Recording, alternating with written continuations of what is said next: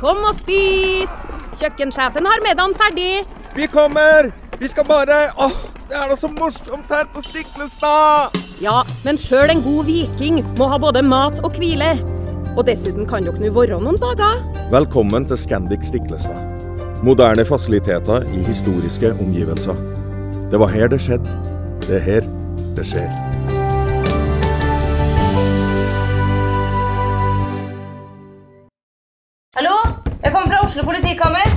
Ine Jansen er purk. Er du purk? The motherfucking bitch. Alt jeg vil, er å finne ut hva som skjedde med mannen min. Jon Carew. Er jeg sikta for noe? Iben Akeli. Det er du. Ole So, Lars Berrum og Big Daddy Karsten. Hvem sin side er du på, egentlig? Anette Hoff, Tone Danielsen, Kommer du fra Afrika? Jørnis Josef, Nesten. Kløfta. Trond Espen Seim, Det er synd å si det, men det var feil mann som døde. Purk. Premiere tirsdag på TV2 Play.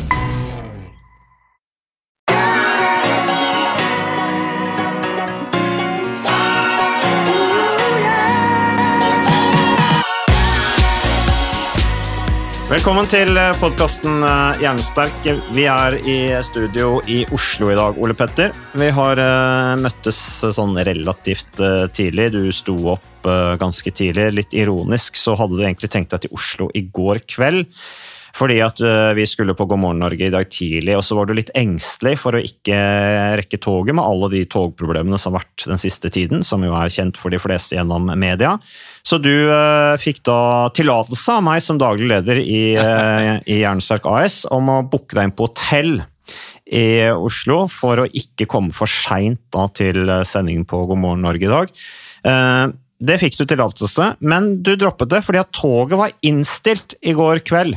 Eh, Så da kom du deg inn allikevel i dag tidlig. Det er jo bra. Ironisk eh, nok, ja. Ja da, nei, Det er litt eh, sjansespill, det. altså.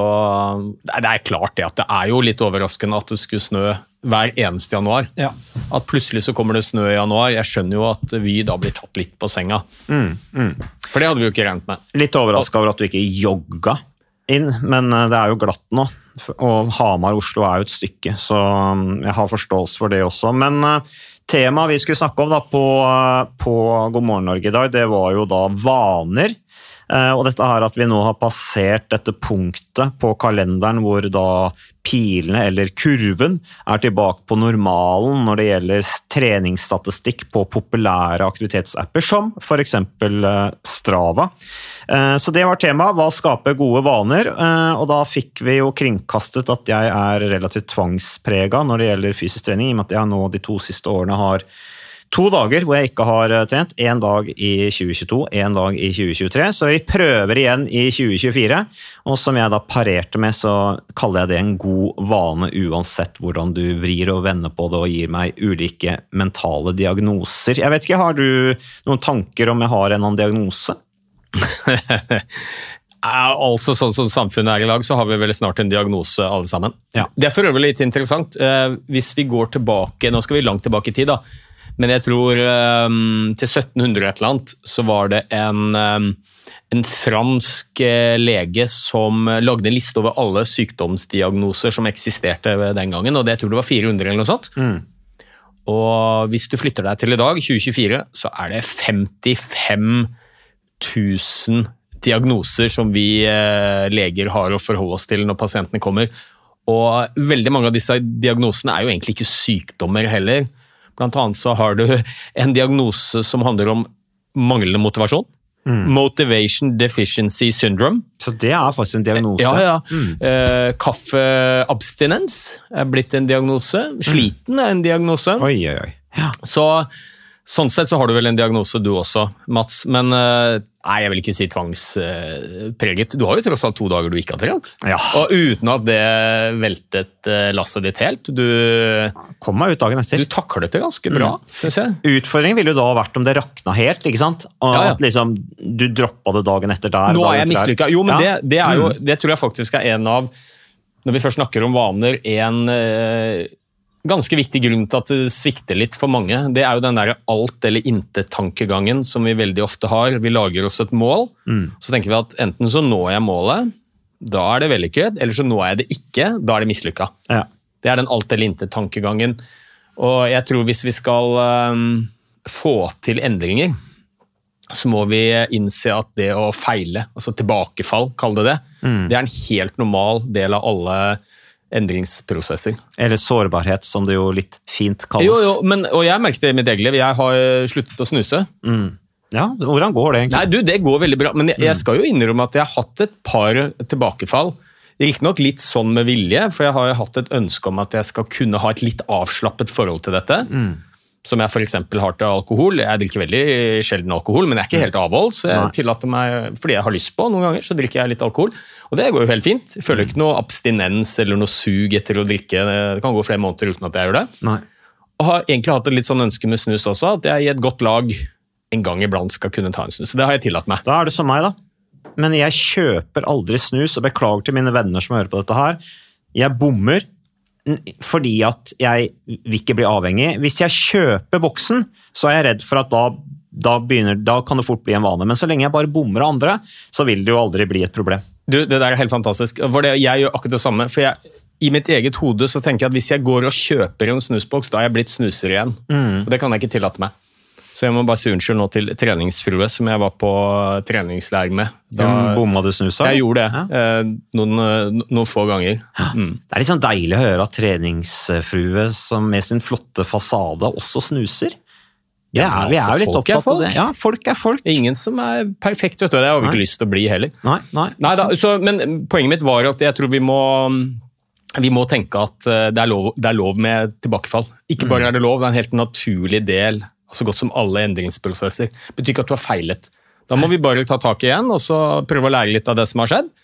Sette oss nye mål og fortsette. Mm. Uh, når vi først er inne på dette her temaet her, og det var jo ikke det vi skulle prate om i det hele tatt, egentlig det vi er inne på nå, men nå blir det jo bare litt sånn. Uh, sukker. Jeg ble veldig påvirka av den episoden vi hadde med Mari Kolby. Eh, om dette, som annet snakket om dette med faste. ikke sant? Og dette at vi spiser for ofte, all småspisinga er ikke bra for folkehelsa osv. Uh, så jeg ble litt påvirka av det, for jeg, jo, jeg kommer jo fra idretten og skolen den representerer med at man skal spise ofte. Og det har jo med aktivitetsnivået, men så har jeg sagt, selv om jeg for så vidt mosjonerer, jeg vil ikke si at jeg trener hver dag, men mosjonerer ofte, så merker jeg jo at forbrenningen går ned. ikke sant? For du, du trimmer jo mindre enn du gjorde før, du har ikke det aktivitetsnivået, du, du har ikke den kraften også i utførelsen av fysisk aktivitet som gjør at eh, karbohydratuttaket blir like høyt. da. Så jeg bare liksom, ok, så hva det noe i det Mari Kolby sa. Så kanskje jeg bør spise litt mer sjeldent. Så jeg har liksom eksperimentert med det å droppe frokost, og sånne ting, men så har jeg nå hatt noen perioder hvor det har vært veldig kaldt, og så har jeg gått på ski, som jo forbrenner veldig mye. Og da, da er liksom ikke det helt tingen. altså Da, da må du Da blir du sliten. ikke sant? Du går riktignok ned i vekt, men du blir sliten. Eh, Men poenget mitt var det med sukker. Der har jeg, eh, der har jeg tatt litt tak.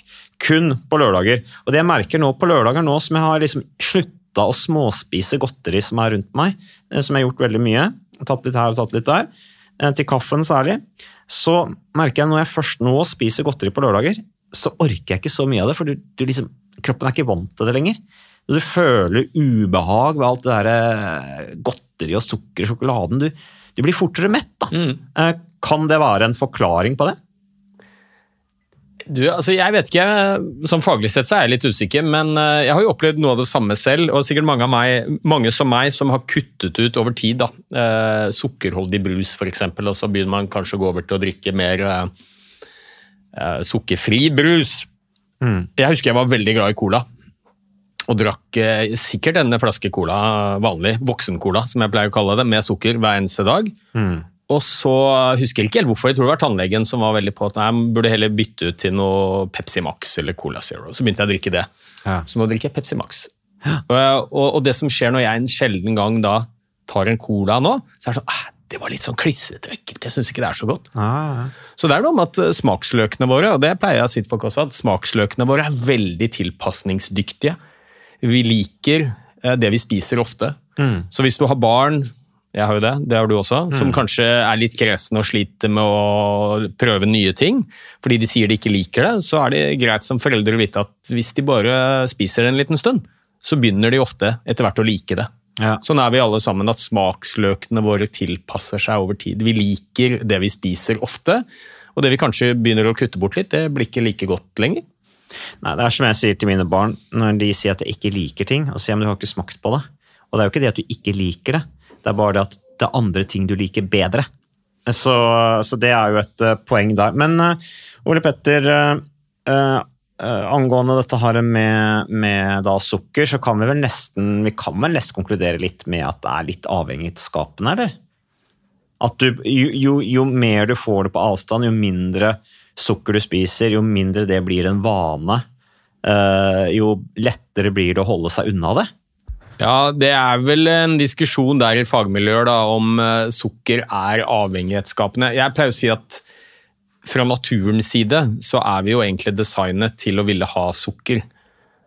Og det handler jo bare om at eh, hjernen vår spesielt er utviklet eh, gjennom mange millioner år med evolusjon, og i 99% av den tiden så har vi levd i et kaloriunderskudd. altså Vi har ikke hatt tilstrekkelig tilgang på kalorier. Så når vi først fikk tilgang på mat, så er vi alle sammen laget til å ville ha den maten som inneholder flest kalorier. Det vil i praksis si mat med mye glukose og, og mat med mye fett. Og den hjernen den har vi fortsatt i dag. Så vi er alle genetisk kode til å ville ha sukker. Vi er genetisk kode til å ville ha fett. ikke sant? Og det var jo livreddende på savannen. Så er det dessverre litt i ferd med å ta livet av oss i dag. Så, så, så den genetiske det, avhengigheten har vi med oss. Men så er det jo et spørsmål hvordan du definerer avhengighet. da. Og innenfor medisinens verden så opererer vi ofte med at det er iallfall to, to kriterier som må være på plass. Og Det ene er at du får ubehag når du ikke får det du er blitt avhengig av. Så hvis du plutselig kutter ut sukker, du drikker eller spiser mye av det hver dag, og så plutselig kutter du ut, så vil du få en, enten en fysisk og eller mental ubehagelig reaksjon. Hvor du bare føler et intenst sug etter det. Kanskje får du hjertebank, uro. Ja, det, det gjør ikke jeg. Nei, ikke sant? og det er jo sånn du ser ved f.eks. avhengighetsskapende legemidler, morfinpreparater, du ser det ved rusmidler som alkohol, kokain, amfetamin osv. Cannabis. Eh, Det er det ene. Og det andre er det vi kaller toleranseutvikling. Som betyr at når du har brukt noe en stund, så må du stadig vekk ha høyere dose for å få samme effekt som du tidligere fikk med en lavere dose. De fleste som drikker alkohol, har jo erfart det at første gang du drikker alkohol, er ikke så veldig mye som skal til før du blir litt på snurr og får relativt høy eh, promille. Drikker du jevnt, eh, hyppig over tid, så vil du se at du må ha stadig vekk høyere dose for å oppleve samme effekt, ruseffekt, eh, som du tidligere fikk på naveldose. dose. Det, det vet vi ikke helt om eksisterer med sukker. Så Nei, det gjør det sannsynligvis ikke, og det blir jo veldig mye konspiratoriske teorier. At ja, den industrien lager maten sånn at vi skal bli avhengig av det. Det er sannsynligvis ikke tilfellet. Nei, altså, jeg tror ikke det helt er konspirasjonsteorier, altså, fordi vi, vi har såpass mye kunnskap i dag om hjernens belønningssystem, og det er jo og det tenker vi kanskje ikke så mye over, men belønningssystemet vårt i hjernen det er jo laget for å påvirke atferden vår. Vi blir fra naturens side belønnet når vi gjør de tingene som er viktige for oss for å overleve. Ja. Eh, Og klart Når vi har levd i eh, sultperiode, mesteparten av menneskets eksistens, så, så er jo mat en viktig belønningsfaktor. Altså Vi blir belønnet, spesielt når vi spiser da den maten som inneholder mye sukker og mye fett. Da kan vi måle at vi skiller ut mer dopamin enn om vi spiser en gulrot, f.eks. Ja, okay, Som jo i dag er jo mye bedre valg for helsa enn et sjokoladekakestykke. Vi får allikevel mer belønning når vi spiser sjokoladekaken, fordi hjernen vår er relativt uendret. av Disse områdene i belønningssenteret er relativt uendret eh, på mange mange tusen år. Ja. Så, så det som var bra for oss på savannen, det er fortsatt det vi blir belønnet for i dag. Selv om det ikke er bra for oss i dag. Og de som lager mat, eh, og du kan putte inn Og dette er jo, helt, det er jo en teknologi som vi mange ikke er klar over. Jeg leste én ting som fikk meg til Og da ble jeg skikkelig overraska. McDonald's er jo populært, og vi vet at den maten de lager, den fører til en ganske eh, stor belønning i hjernen hos alle. Både små barn, unge, voksne, eldre. Og mm, Tidligere så drev jo McDonald's og stekte mm, både burgeren og pommes frites i animalsk fett. Altså dyrefett. Og så har man blitt mer og mer klar over at det mettede fettet er ikke spesielt bra for helsa. Så det har vært et eh, press på disse fastfood-leverandørene å begynne å, å steke med mer helsefremmende Bruke olje, da. Rapsolje, solsikke, jeg vet ikke helt hva de bruker på McDonald's, men oljer, da. Istedenfor animalsk fett. Og det som skjedde da, det var jo at pommes fritesen smakte jo ikke det samme. Nei. Og den, det gjorde ikke burgerne heller. Så McDonald's har jo et eget forskningslaboratorium hvor de lager essenser Som du kan tilsette maten pommes fritesen sånn at den nå smaker som om det var stekt i animalsfett, selv om den er stekt i rapsolje eller solsikkeolje eller hva det nå er for noe. Ah, Egen fabrikk altså som lager en haug med essenser som de tilsetter maten, som gjør at burgeren din smaker helt lik om du spiser den i Roma eller i Kirkenes. Nei, Kirkenes er det kanskje ikke McDonald's, men Tromsø, da. Så, så det er utrolig mye teknologi her hvor du kan, eh, du kan lage maten sånn at den fører til en ekstra stor dopaminutskillelse. Og da vil du selvfølgelig ha mer av den. Så um, det, akkurat det tror jeg ikke er noe konspirasjons... Nei, eh, Nei, men da jeg, jeg er stort sett veldig lite fan av det, men, men eh, det er jo en Og det vet vi jo at denne ultraprosesserte maten den er ikke spesielt bra for oss helsemessig, men det er den vi får en stor belønning av. Sant? Så der har vi jo en utfordring. Den maten, og det er jo hele dilemmaet her, da. Den maten som er mest usunn for oss, det er den som gir oss den største belønningen. Ja, ikke sant. Med dopamin. Enkelt og greit. Så hvis du skal uh, prøve å eh, tjene penger eller skape en kommersiell virksomhet innenfor produksjon av mat, så har du størst sjanse for å lykkes hvis du lager noe som er uh, usunt med mye sukker i. Ja, Og eller fett. Ja, ikke sant. Ukas annonsør det er HelloFresh. Og eh, hvis du nå går inn på hellofresh.no og bruker koden FRESH gjerne, så kan du få opptil 1779 kroner rabatt på da de fem første matkassene dine hvis du ikke har prøvd Hello Fresh enda. Og Ole Petter, vi er jo glad i Hello Fresh i podkasten Jernsterk, eh, selvfølgelig fordi at de er en annonsør. De er med og bidrar til å spre det glade ordet om fysisk aktivitet og god helse. Men i tillegg så har jo vi også nå lang erfaring med Hello Fresh eh, selv. Så vi må jo si at det har vært gode erfaringer til nå. Ja, absolutt. Visste du, Mats, at HelloFresh det er faktisk verdens ledende matkasseleverandør? Og tilbudene til HelloFresh gjør det enkelt å lage gode og varierte retter som skaper matglede. Og matglede vet du, det er like viktig som hva du putter i munnen. Det å spise mat med folk du trives med. Så gjennom 25 nye og inspirerende retter hver uke så bidrar HelloFresh til dette. Du kan bestille ekstra porsjoner om du får gjester, eller hoppe over uke hvis du f.eks. skal bort. Og Det er ingen bindingstid, og du velger leveringstidspunkt og dag selv, så leverer HelloFresh matkassen din akkurat når det passer deg. Ikke dårlig, Mats. Nei, det er veldig bra. Så, øh, og dette er med enklere hverdag, det kan jeg nå skrive under på. For nå, forrige erfaring vi hadde forrige uke, Ole Petter, det syns jeg var Det var jo et gjennombrudd øh, for familien Kaggestad. For da lagde rett og slett barna De lagde middag og serverte middagen, så den var ferdig laget og servert da når eh, min kone Marita og meg kom hjem fra jobb.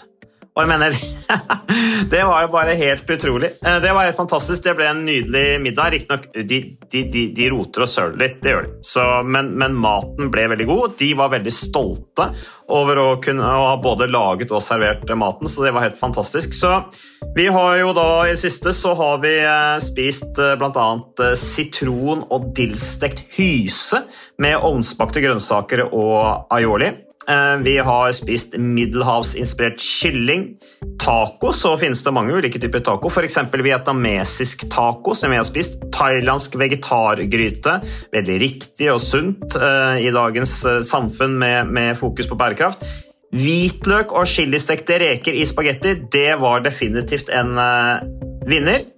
Så det er så flott. Du får rimelig mat ved at du kun betaler for det du trenger, så det blir ordentlig feststemning med Hello Fresh.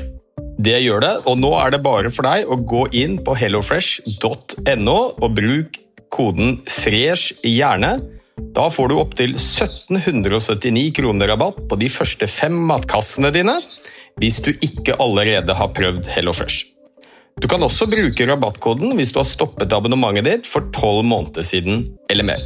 Er det noe å lure på? Håper maten smaker godt. Bon appétit! Så det er jo et tips til de som sitter og lurer på hva de skal eh, gjøre i fremtiden. Men Ole Petter, eh, vi snakket om vaner på God morgen Norge i dag, og da var vi litt innom denne debatten, eh, som vi jo takker lytterne våre for. Vi fikk veldig mye respons på det, det er veldig hyggelig. Um, Da tok vi opp det, eh, og det kommer litt inn på da på God morgen Norge, og eh, hva er det som gjør at vi skaper gode vaner osv. Litt interessant med trender. Jeg leste jo Aftenposten i, dag. Ole Petter, du har tatt avisa fra meg nå. Papiravis, selvfølgelig. Vi er jo nostalgiske i podkasten Hjernesterk. Vi liker å holde i papir. Hva er det det står om der igjen? Det var noen sånn sexy walk-greier? Ja, du, jeg ble så fascinert, så jeg tok avisen din. Det er for øvrig du som er analog. Jeg kjører jo heldigital. Ja. Som den moderne mannen jeg er, mens du er fortsatt litt sånn stuck i det analoge. Du er den eneste jeg kjenner som har papiravis. Men du, det er veldig kult. Det er et eller annet med å holde avisen og det taktile når du blar med fingrene og følelsen av Så kan du bruke det som tallerken når du spiser frokost. Det kan du også. Du, altså, det, som, det er noe som er tatt av da, på TikTok. Og dette syns jo jeg er fascinerende. Dette med TikTok. Ja, for du er ikke på TikTok? Nei, jeg er ikke på TikTok, men jeg har jo barn, selvfølgelig. To barn som er på TikTok, og de er jo helt hekta på TikTok. Og, og så ser jeg jo ganske fort at fy fader hvor mye hjernedødt søppel det er på TikTok. Ja. Men også en del kule ting. ja. Så jeg ser jo at Barna mine har jo lært seg masse. Blant annet har jeg en sønn som syns det er utrolig inspirerende med alle sånne matretter. og sånn. Har blitt veldig glad i å lage mat. Oh, ja? Ja, Treningstips kan du få. Kanskje ikke alle som er like velfunderte, men Nei. all trening er jo stort sett bra. Og det er en arena jeg ikke er på. Men jeg ser at den har utrolig stor, stor påvirkningskraft på veldig mange, spesielt unge mennesker. Så jeg har nå faktisk en liten plan om å komme meg inn på TikTok. Oi, oi, oi. Ja, og dette er sånn som jeg håper ikke mine barn ja, De hører jo ikke på denne podkasten. De ville jo vridd seg hvis de hørte det. Men eh, blant annet en journalist i eh, NRK som skal lage en podkast hvor jeg skal være med, hvor vi skal snakke om treningstips og helsetips. Oh, ja. Som han legger ut på sin TikTok-plattform. Og jeg husker det første møtet mitt med TikTok, det var jo en sånn eh, Husker du Prime? Ja, Prime? det er Den, den eh, drikken. Sønnen min er 11, ikke sant? Så der skal alle ha prime, da. Og jeg Jeg synes det er ikke er noe godt heller. Du, og Jeg har en sønn på tolv, og han plutselig kom med. Prime, pappa. Prime er det som gjelder. Ja. Da var vi i USA, og, Snakker om kommersiell suksess. og det er vel to influensere som har laget en sportsdrikk. Og den har bare altså, tatt helt av. På verdensbasis er det sånn alle ungdommer skal ha prime. Ja. Og det var en periode her i Norge, Dette er bare vanlig vann med litt farge og sukker. Ja. Det er ikke noe mer hokus pokus enn det. Uh, smaker ikke noe godt engang, men det er som en Gatorade eller gamle XL1, som du kanskje husker fra tidligere. Og, og de ble jo solgt jeg tror det var nede i Oslo sentrum, 199 kroner for en halvliter. ja, det er et ran. Det er helt absurd! Og det var, sto kø av ungdommer for å kjøpe dette her. Ja. Eh, og jeg er jo en del i USA. Der kosta de seks 6 dollar for tre flasker på butikken. Altså 20 kroner flasken. Ja. Solgt for 190. Og, sånne, sånne trender er det hele tiden. mye mer eksklusivt her i Norge. Jo, jo, jo, men poenget mitt er at det tar helt av. Og poenget nå er jo at nå er det en ny trend som er tatt av på TikTok. da, Og det er, hold deg fast med alt, hot girl walk. Ok, så ikke for oss menn. Åpenbart ikke, med mindre vi skal gå bak og se på. Det kan jo være en mulighet. Men jeg må le litt, fordi at her tar man egentlig noe av det mest trauste, kanskje kjedelige og minst sexy som Altså, gå en tur.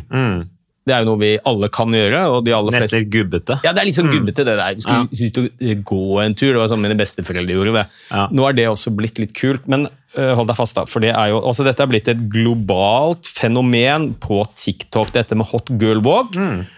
Og i skrivende stund har emneknaggen hashtag hot girl walk 1,1 milliarder visninger på TikTok. Ja. Altså 1,1 milliarder. Det er helt sykt. Og det du skal gjøre, jo det. det er helt fantastisk, så lenge det er gode vaner. Det du skal gjøre da, det er at ideelt sett så skal du gå i 6,4 km. Grunnen til at det er 6,4 km er jo at dette er utviklet i USA, hvor de kjører miles. Så det er fire miles. Ah, Ja. ok. Fire miles. Eh, Cirka 6 km, da. Men det viktigste er å komme seg på tur og sette av tid til seg selv. Med andre ord ikke så viktig hvor langt du går, da. Nei. Men her kommer krukset, eller clouet, på hva du skal gjøre for noe. Du skal tenke på tre ting samtidig som du går. En, hva er du takknemlig for? Hva er dine mål? Og det siste, som sikkert er det viktigste, hvor digg du er.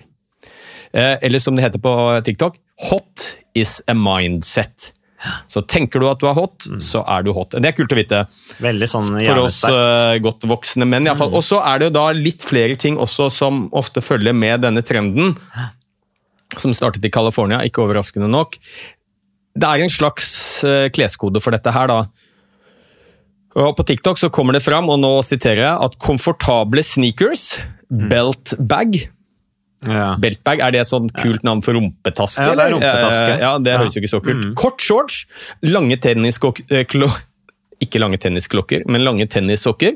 Smartklokke og solbriller er en essensiell del av turen. Man skal tross alt føle seg hot. Ja, ok. Ja. Rumpetaske, hot. Det, Altså, den det- så jeg ikke komme. Nei, men det som 2024. eh, Trender går jo i sikring, mm. som det som var traust og kjedelig for noen år siden. Norheim-taska må fram igjen. Ja, altså Den som litt sånn fulle trøndere gikk med på magen på Gran Canaria, den Ja, er nå inn igjen. På 70-80-tallet, Ja. på engelskmenn. Nei, men altså, det er, det er jo litt morsomt. 1,1 milliarder visninger å gå en tur. Så det sier jo litt om eh, påvirkningskraften disse sosiale mediene har. Så kanskje det er på tide vi kommer oss på TikTok. Men uh, hele poenget her er jo at det oppfordres blant uh, i trendige miljøer at det trender å gå ut og gå. Ja, ja. Så her er vi jo nede på lav terskel. Det grunnleggende, det vi har applaudert eh, fram. Og, og det der å gå ut og gå og reflektere over livet. Hva er målene mine?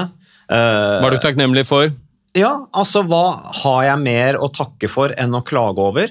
Altså Det har jeg jo lest flere steder eh, blant folk som, eh, som fremmer aktivitet og er opptatt av det filosofiske rundt fysisk aktivitet, at når vi kommer oss ut bl.a. i naturen, så får vi utvider perspektivene våre. Vi blir kanskje mer takknemlige for de mer grunnleggende tingene i livet, og det er jeg veldig for. Eh, I dagens samfunn hvor vi jager etter stadig mer, stadig større, stadig finere, med all den belastningen det skaper eh, gjennom høye lån og, og, og ressursbruk, så tror jeg er jeg veldig for den der trenden der. Og vi har jo hatt noen episoder nå vi har snakket om, om det å gå, riktignok ikke kvinner som går, det var menn som går.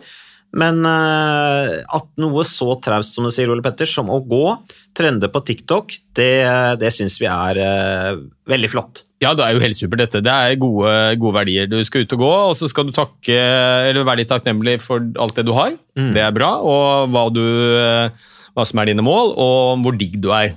Det Ja, er jo, særlig siste er jo, viktig jo, for men. Ok, digg, det er jo det språket man snakker i den alderen, men, men faktisk tenke at man er en ganske bra person. Det er jo ikke noe, mm, det er ikke noe minus. Det eneste jeg stiller litt spørsmålstegn ved, er jo denne utstyrslista. da. Komfortable sneakers er helt fint. Eh, Rumpetaska lar jeg ligge igjen. Eh, Kort shorts kan funke i Los Angeles, kanskje ikke så bra på vinterstid hjemme, men i det hele tatt, dette er helt supert. Det kanskje hatt et annet navn enn Hot Girl Walk. Dette kan jo mennene være med på. Ja, kan jeg få legge til noen Hvis jeg kunne få fylt opp den der utstyrslista, eller ting som på en måte hører med den der eh, hot girl walk, eller hva, kall det hva du vil, eh, så er det kanskje skru av mobiltelefonen. Det tror jeg kanskje kunne vært litt en ekstra dimensjon over denne gåturen. La den ligge igjen hjemme. Står det noe om sko der? Komfortable sneakers. Ja, den, den er jeg med på. Eh, nei, det var egentlig bare det med mobiltelefonen eh, som jeg egentlig ville legge til. Kanskje ta med en flaske vann? Står det noe om det, eller? Nei, det står ikke noe om det, men dette, er jo, dette startet eh, hos modeller i Los Angeles. Denne trenden. Det er klart, De har jo vann med seg hele tiden. Ja. Og en liten chihuahua i vesken. ja. ja det- Ikke for å være forutinntatt, men la gå. Nei, men uh, ja, det er morsomt i hvert fall at uh, å gå, riktignok med litt moderne innpakning, eh, er eh, inn og trender. Vi heier på det. Vi heier på det. Ellers eh, noe som også trender, det er eh, vinterdepresjoner. Eller det er veldig hot for øyeblikket. Sykemeldinger er veldig hot. Eh, eh, Det var en sak i dag i NRK, altså 9. eh, 29. januar er det i dag. Eh, Det er høysesong for sykemeldinger. Januar, februar og mars har flest sykemeldinger. Mange av eh, de handler om eh, psykiske lidelser og utbrenthet. Og vi hadde Kaveh Rashidi, som jeg hørte i dag tidlig da jeg lagde frokost til barna mine, som eh, snakker om bl.a. at sykemelding er sjelden en god løsning mot utbrenthet. Det er jeg helt enig med Kaveh Rashidi i. Eh, Det er faktisk vanlig å være litt syk, som han sier. Veldig klokt sagt, syns jeg også. Eh, Det er bare en utopi at man er helt frisk hele tiden. Og helse er sammensatt. Han snakket om søvn, fysiabilitet etc. Og at vi setter for høye krav til oss sjøl. Altså, det er lett å føle seg mislykka når vi sammenligner oss i, med andre, sånn som vi gjør mye i dagens samfunn med sosiale medier. Noen refleksjoner om det, Ole Petter? Ja, det er ikke vanskelig å være enig i mye av det som blir sagt. Jeg har jobbet, jeg har jobbet som fastlege i 15 år og sittet midt oppi dette med sykemelding. Og jeg vil jo si at vi, som det står i Aftenposten i dag også, eller var det kanskje i går, at vi har en litt syk sykemeldingskultur. Eh, Og med det så mener jeg vel at eh, terskelen for å skrive ut en sykemelding i mange tilfeller er litt for lav. Eller lavere enn den burde være, da. Vi vet veldig godt at de tingene vi eh, som ofte sykemeldes for, det er gjerne to ting som er vanligst. Da snakker vi ikke om en sånn todagers influensa-lignende sykdom eller infeksjoner, men eh, litt mer langvarige sykemeldinger så er det muskel- og skjelettplager og psykiske helseproblemer. Og vi vet veldig godt at eh, vi statistisk sett blir sykere av å være sykemeldt lenge. Ja. Eh, Og, og det handler nok først og fremst om at eh, det å være i arbeid eh, som er tilfredsstillende, og nå er det selvfølgelig noen som blir sykemeldt fordi arbeidsplassen ikke er tilfredsstillende for helsa, men ni av ti nordmenn synes at de har det bra på jobben. Mm. Og da er det å være i jobb utrolig bra for helsa. Fysisk, mentalt sett. Eh, og det å falle ut av arbeidslivet fører fort til isolasjon og ensomhet og utenforskap. Så, eh, og, og bare så jeg presiserer dette, nå snakker jeg om på gruppenivå, at vi generelt sett eh, har litt for lav terskel til å skrive ut en sykemelding. Og det, det er jo et ansvar som flere har, og det er jo vi legene som skriver ut disse sykemeldingene. Så, så vi burde nok i større grad være flinkere til å, å sammen med pasientene se på alternativer til f.eks. en full sykemelding. Det er veldig få sykdommer og plager du kan hvile deg helt frisk av. Så, så, så for de aller fleste så vil jo det å være noe aktivitet, eh, iallfall, eh, kanskje ikke være 100% sykemeldt, være litt på jobben, eller iallfall gjøre noe annet, og være i aktivitet, er utrolig viktig. Og, og, det å, å være i arbeid er utrolig viktig for identiteten vår også. Så, mm, så så, ja. Vi hadde jo den podkasten, var vel i, som, i fjor sommer, med People at Work, eh, Anders Sætre, hvor eh, vi er vel Den går det an å gå tilbake og høre på for de som er opptatt av det temaet, men der var vel mye av konklusjonen at mm, veldig mye sykemelding handler om det psykososiale. Mm. Eh, og at eh, god ledelse gjør at folk kommer oftere på, på jobb, og det, det, det er vanskelig å være uenig i det. Men, eh, men eh, det er jo vanskelig å ta opp altså Hvis du er, unngår å gå på jobb fordi du ikke trives, og hvis kanskje årsaken til at du trives er lederen, så er det klart da er det vanskelig å, å ta opp det. Eh, Men jeg tror jo at et godt psykososialt miljø, hvis du trives på jobb, det gjør gjerne at du kommer på jobb nettopp til tross for. Hvis du har vondt i ryggen, eller til tross Ja, ja. for. Hvis du opplever tunge ting i livet som gjør at du blir deprimert, til tross for at du føler deg litt snufsete og vondt i magen, eller hva det er. da. Og mange av disse sykemeldingene som, eh, hvor diagnosen er kroniske muskel-skjelettplager eller psykiske helseproblemer, de eh, i relativt mange tilfeller, nå husker jeg ikke helt prosentandelen, men eh, jeg tror vel det er iallfall halvparten av dem skyldes i bunn og grunn vanskeligheter i en arbeidssituasjon. At, eh, og det er sånn todelt, da, at jobben kan være en kilde til god helse hvis du trives, mm. og det er viktig å være i jobb for helsas del, både fysisk og mentalt, men eh, jobben kan også være en kilde til uhelse. Mm. konflikter, vanskeligheter. Sånn at, eh, og da er det jo liksom viktig at bare det å bli sykemeldt er ikke noe løsning. Da må man ta tak i det som ligger i bunnen der. Og det er jo viktig. Eh, og den der dialogen mellom lege og arbeidsgiver og Nav og den er kanskje ikke, ikke god nok. Så jeg, jeg tenker at eh, som fastlege så er vi litt for uh, slepphendte. Vi skriver ut litt for mange sykemeldinger. Jeg, jeg Skam er- dere! Eh, Nei, ja, men det er, ikke så, det er ikke så enkelt som det heller. Nei fordi da. Det er jo ingen fastleger som eh, tar legeutdannelse fordi de skal sitte og skrive sykemeldinger. Det er Nei. jo ikke noen av oss som syns det er noe gøy. Nei. Mm. Vi syns det er dritvanskelig. Og det handler jo mye om at eh, vi er pasientens advokater. De kjenner oss godt. Vi har et nært forhold til pasientene våre. Og, og så er det jo noen ganger forventninger fra pasientene eh, og tanker om at det beste nå ville vært å, å få en sykemelding. Og det er litt vanskelig å stå imot. Jeg merker det sjøl også. Vi ønsker jo å gjøre pasientene våre tilfredse, og det å kanskje tørre å være og si at vet du hva, jeg, jeg er ikke helt sikker på om kanskje en sykemelding er det beste for helsa di nå. Iallfall ikke en full sykemelding. Kanskje burde man gått for en annen løsning. det sitter ganske langt inne, så det er jo ikke noe vi leger ønsker. Ingen som blir motivert til å gå på jobben som fastlege fordi vi skal skrive ut masse sykemeldinger. Nei. Eh, men, men det er vanskelig, eh, litt fordi pga. den situasjonen vi handler, eh, havner i. Sånn, eh, litt sånn, Vi skal være portvokter for det offentlige, hvem som skal få en sykemelding. Det må være fundert i helse og sykdom. Nei, Unnskyld, sykdom eller skade. Samtidig så skal vi være pasientens allierte. Så det er, det er vanskelig, og det er jo flere som nå diskuterer at kanskje burde ikke fastlegene være de som skriver ut sykemeldinger, fordi, fordi man er for tett på pasientene. Så, så det der er litt eh, Hvem skulle gjort det i så fall? Nei, jeg har, jeg har ikke noe god eh, Jeg har ikke noe veldig god løsning på det, altså. Nei, nei, det er et interessant spørsmål. Men uh, uansett, uh, den podkasten her eh, ble vel masse forskjellige temaer, Ole Petter. Ble det? Ja, det ble jo det. Eh, kanskje ikke så strukturert som en del andre podkaster har vært, men vi fikk jo snakket om en del ting. Litt forskjellige ting som eh, påvirker helsa vår og hjernen vår, og lavterskelaktivitet, og nå fikk vi også snakket om sykemeldinger til slutt, eh, og om vi nødvendigvis blir syke, eller er for syke til å gå på jobb, eller blir sykere av å være på jobb.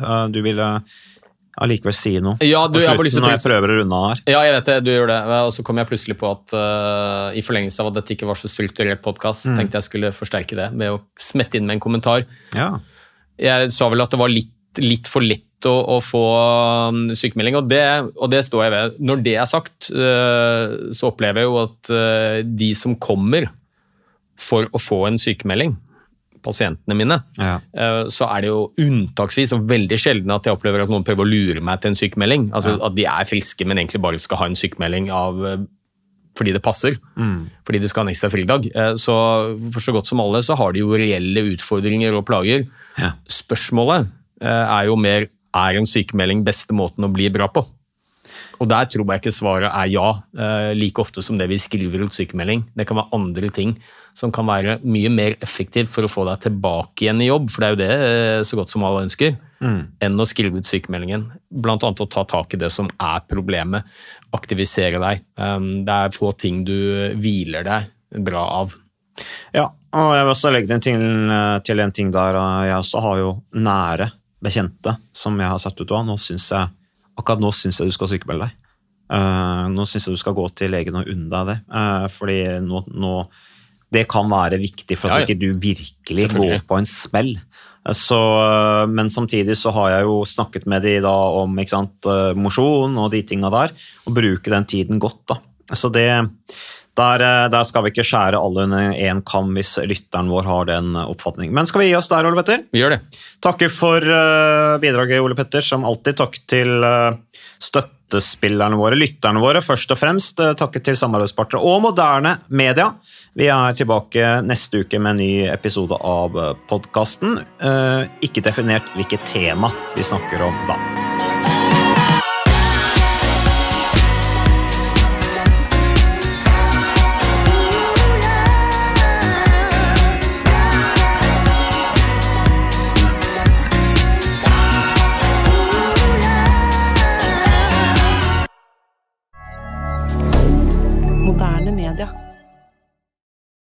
Har du et enkeltpersonforetak eller en liten bedrift? Da er du sikkert lei av å høre meg snakke om hvor enkelt det er med kvitteringer og bilag i fiken, så vi eh, gir oss her, vi. Fordi vi liker enkelt. Fiken superenkelt regnskap.